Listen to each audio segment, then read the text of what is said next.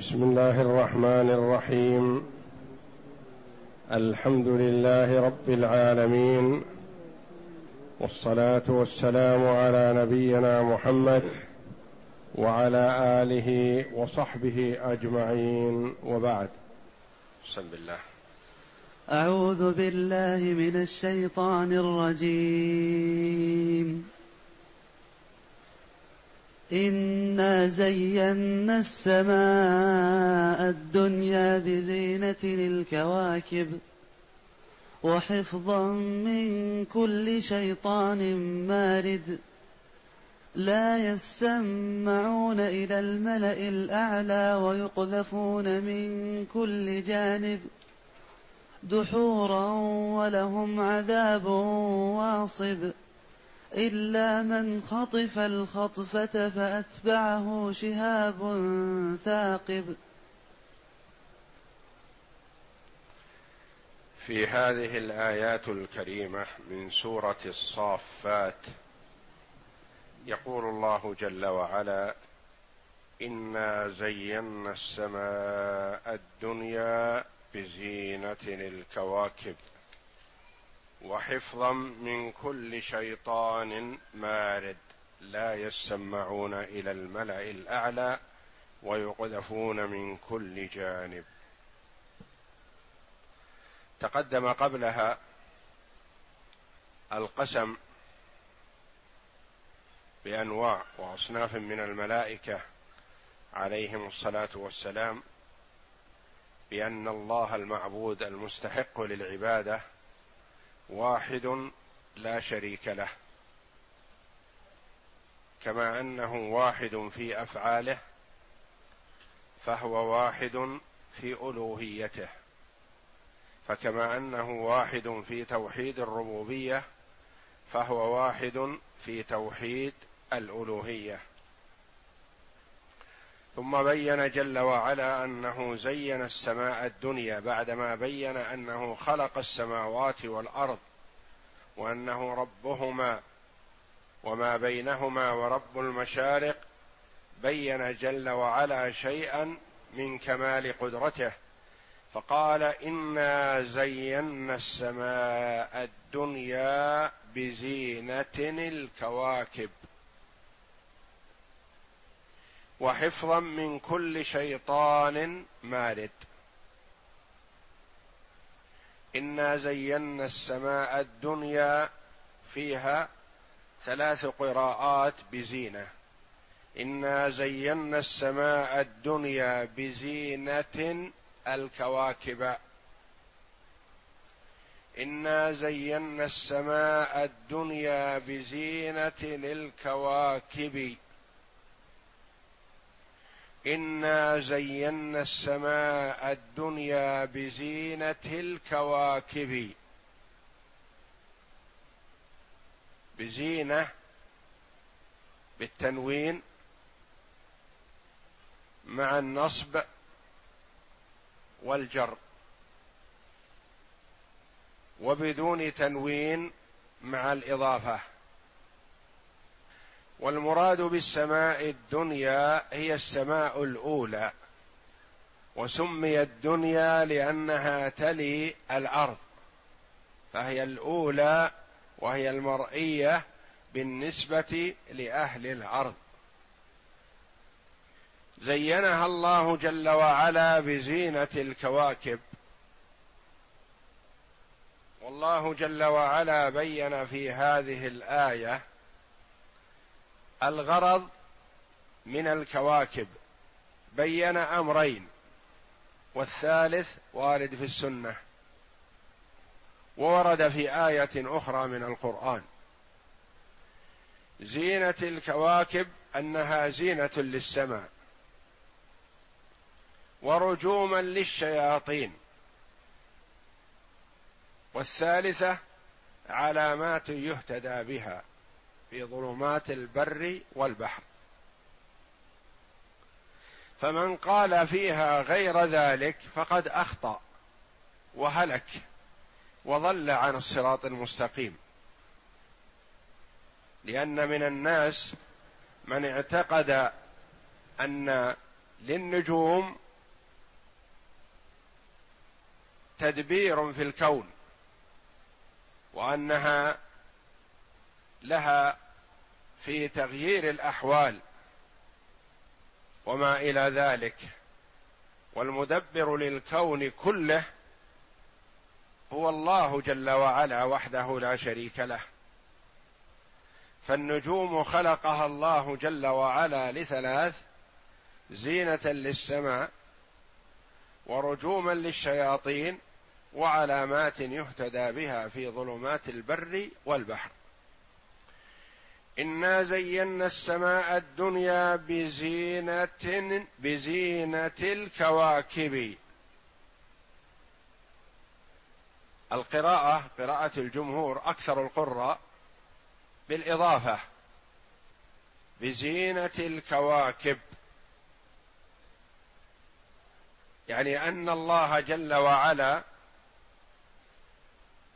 زين السماء الدنيا بالكواكب هذه فجعلها زينة لها لأنها لولا وجود الكواكب فإذا غربت الشمس كانت ظلمة شديدة. وترى السماء وكأنها سوداء. فالله جل وعلا جمل السماء الأولى بهذه الكواكب. والكواكب منها ما هو في السماء الدنيا ومنها ما هو في السماوات الأخرى العليا. وترى لأن أجرام السماوات شفافة. قرأ الجمهور بإضافة زينة إلى الكواكب والمعنى زيناها بتزيين الكواكب أي بحسنها. وقرئ بتنوين زينة وخفض الكواكب على أنها بدل من الزينة بزينة الكواكب ما هي الزينة؟ كأن قائلا يقول ما هي الزينة؟ يقال الزينة الكواكب يعني صارت زينة للسماء والتقدير إنا زينا السماء بالكواكب فإن الكواكب في نفسها زينة عظيمة فإنها في الليلة المظلمة في أعين الناظرين لها كالجواهر المتلألئة على سطح أزرق. وقرأ عاصم وهي القراءة التي نقرأ بها. وقرأ عاصم في رواية أبي بكر عنه بتنوين زينة ونصب الكواكب بزينة الكواكب. على أن الزينة مصدر وفاعلها محذوف والتقدير بأن الله زين الكواكب بكونها مضيئة. يعني التزيين للكواكب زينها الله جل وعلا بكونها مضيئة حسنة في نفسها. وحفظا من كل شيطان مارد. يعني الغرض الثاني من الكواكب بعد الزينة حفظا من كل شيطان مارد. حفظناها حفظا من كل شيطان مارد متمرد عات عنيد لأنه كما ورد في الحديث أن الشياطين يركب بعضها بعضا. وشبك الراوي بين أصابعه هكذا يركب بعضها بعضا حتى يصل يصل إلى السماء. فيستمع ما تتحدث به الملائكة من غير الوحي. وأما الوحي فالله جل وعلا جعلهم لا يصلون إليه ولا يستمعونه. إنهم عن السمع لمعزولون. يعني لا يستطيعون أن يسمعوا الوحي قبل أن ينزل. وإنما يستمعون إلى الملائكة ما يدور بينهم فيما سيكون في الأرض. فيسمعون الكلمة من السماء ثم يلقيها الأول على من تحته وهكذا حتى تصل إلى الأخير ثم يلقيها للساحر أو الكاهن. ثم يكذب معها مئة كذبة. فيروج مئة الكذبة هذه بهذه الكلمة التي سمع سمعت من السماء. ثم يقال أليس قد قال لنا يوم كذا وكذا إنه سيحصل كذا وكذا؟ إذا فالساحر والكاهن يعلم الغيب ويدري عما يدور. وهو علم وسمع كلمة واحدة من السماء وكذب بها مئة كذبة ليروج الكذبات التي يقولها. ثم إنه قد يسلم قد يسمعها ويلقيها إلى من تحته ثم من تحته يلقيها إلى من تحته وهكذا حتى تصل إلى الساحر أو الكاهن وأحيانا يرسل الله عليه الشهاب فيقتله قبل أن يلقي الكلمة.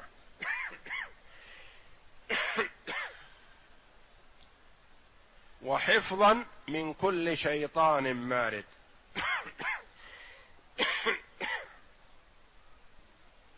فهذه الشهب تنفصل من بعض النجوم وليست النجوم هي التي يرمى بها وإنما جزء من بعضها.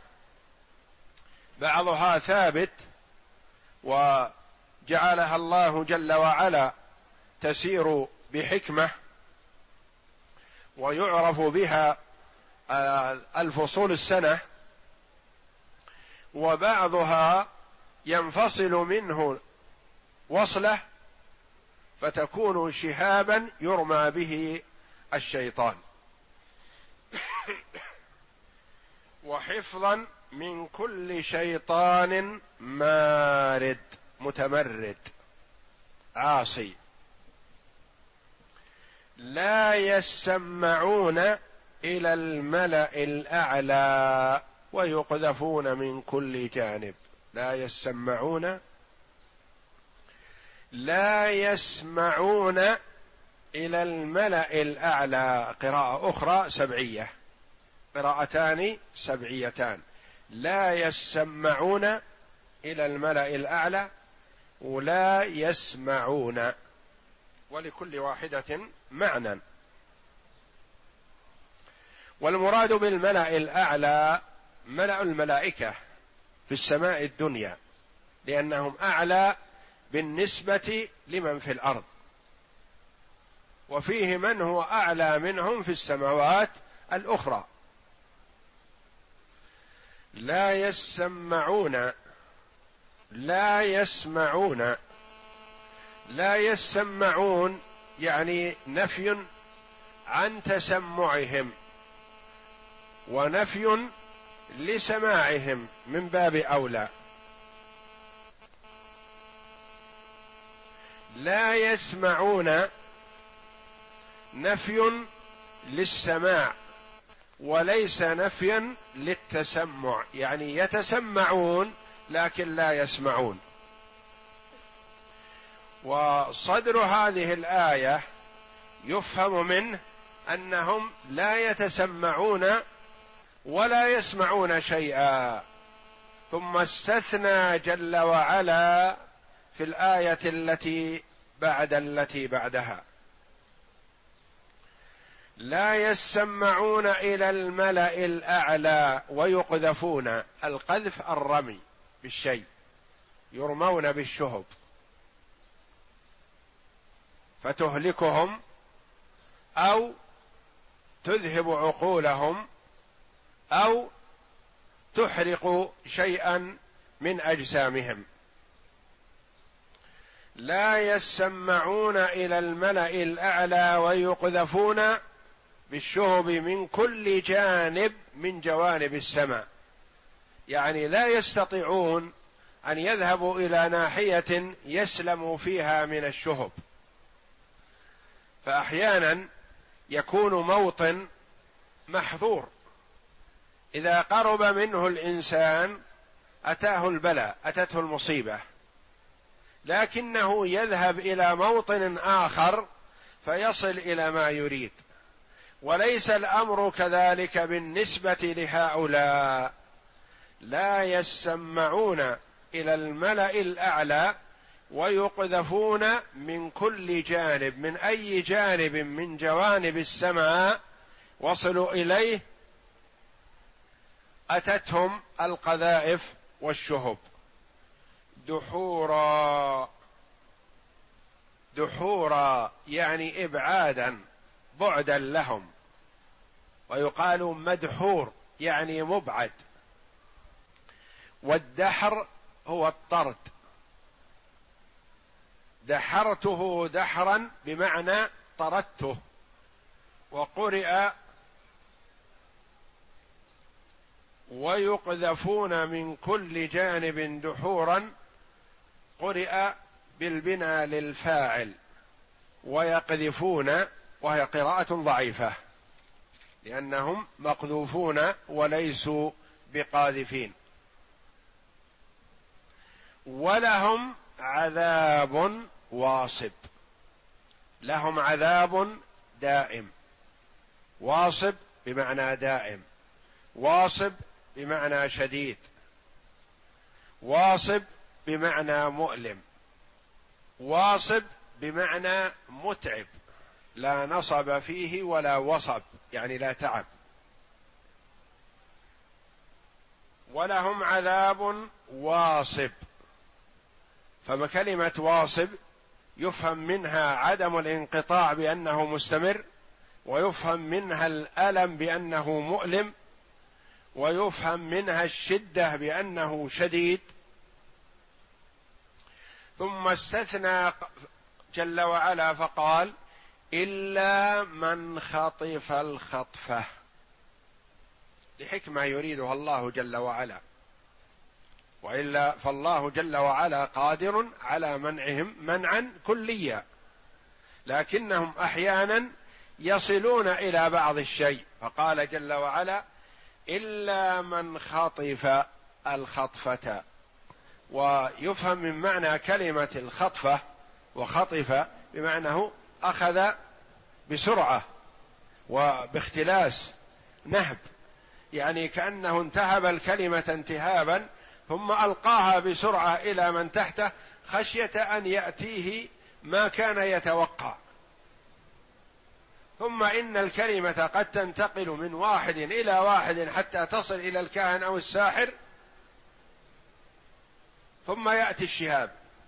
وقد يأتي الشهاب قبل أن تصل الكلمة. فيتلفون أو يخبلون تذهب عقولهم والكلمة لم تصل إلى من يريدون. فقال جل وعلا إلا من خطف الخطفة استثناء من قوله جل وعلا دحورا ولهم عذاب واصب إلا أحيانا تخطف الكلمة فتصل إلى من يريدون إيصالها إليه. قبل أن يأتيهم الشهاب إلا من خطف الخطفة فأتبعه شهاب ثاقب. يتبعه شهاب متقد. شهاب ثاقب يعني مضي. والشهاب لا يخطئ كما قال ابن عباس رضي الله عنهما. فعن ابن عباس رضي الله عنهما قال إذا رمي الشهاب لم يخطأ.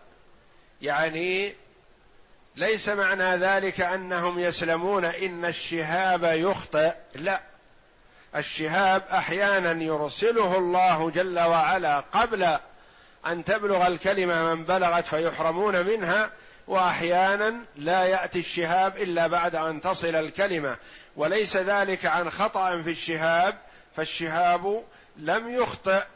من رمي به وتلا أي ابن عباس رضي الله عنهما قوله تعالى فأتبعه شهاب ثاقب وقال لا يقتلون بالشهاب ولا يموتون ولكنها تحرق وتخبل وتجرح في غير قتل.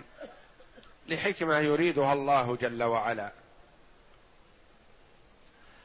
وقال بعض العلماء ليس المراد أنهم يرجمون بأجرام الكواكب بل يجوز أن تنفصل منها شعلة يرمى بها الشيطان والكواكب باقية بحالها.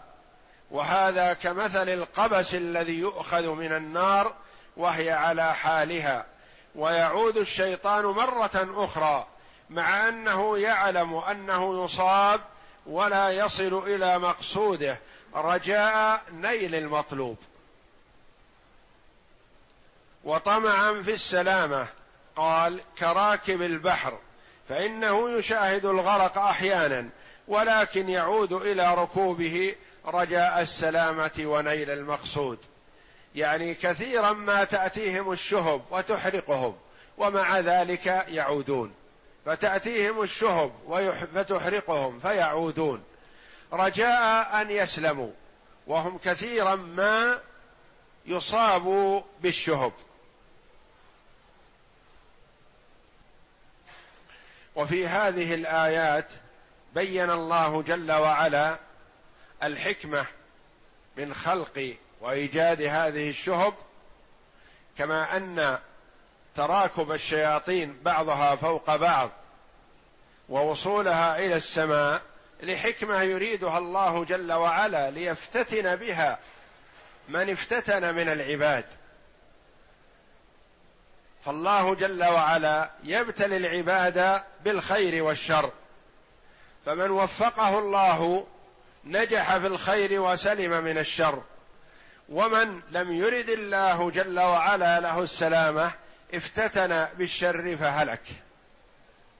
كالحكمة من خلق الشيطان.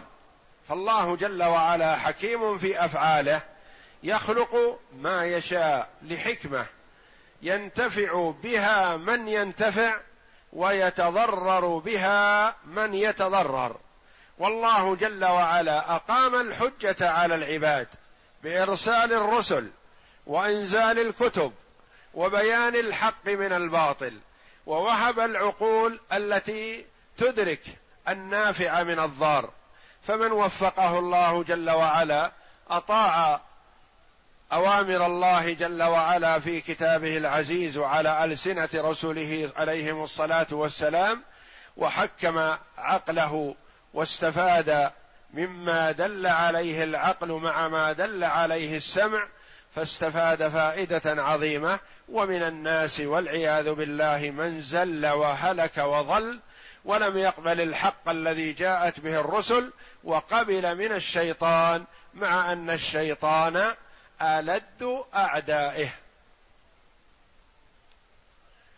إلا من خطف الخطفة فأتبعه شهاب ثاقب. ثم يأتي بعد ذلك الاستدلال الواضح على قدرته جل وعلا على البعث فقال تعالى فاستفتهم أهم أشد خلقا أم من خلقنا؟ والله أعلم وصلى الله وسلم وبارك على عبده ورسول نبينا محمد وعلى آله وصحبه أجمعين.